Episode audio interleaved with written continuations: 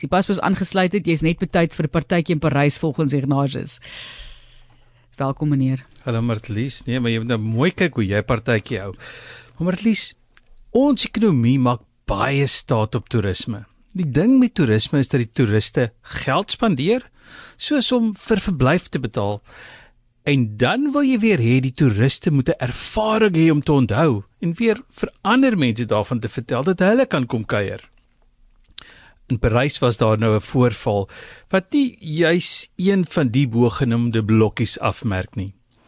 Twee Amerikaanse toeriste het in die Eiffeltoring oornag.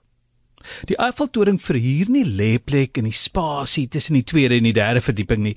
So daar's nie vir slaapplek betaal nie. Die twee was erg onder die invloed. So hoeveel van die ervaring onthou word, sal ons nou ook nie weet nie. 'n Spesialis brandweereenheid wat reddings van hoë hoogtes doen, is gekry op die twee te bevry. Ek vermoed daar sal seker 'n stewige rekening vir die bystand wees.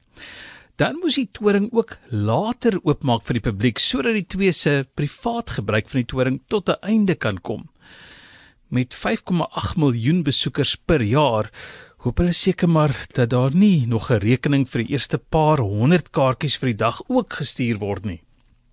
Daar is wel kriminele klagtes teen hulle gelê. So partytjie in Parys kom teen 'n prys. Enigiets in Parys kom teen 'n prys sê ek vir jou maar ja, nog van die beste tye wat ek gehad het daarso in die eenvoudigste maar lekkerste kos. Dit is 'n storie van BBC se webblad wat Ignatius vir jou gebied het vandag.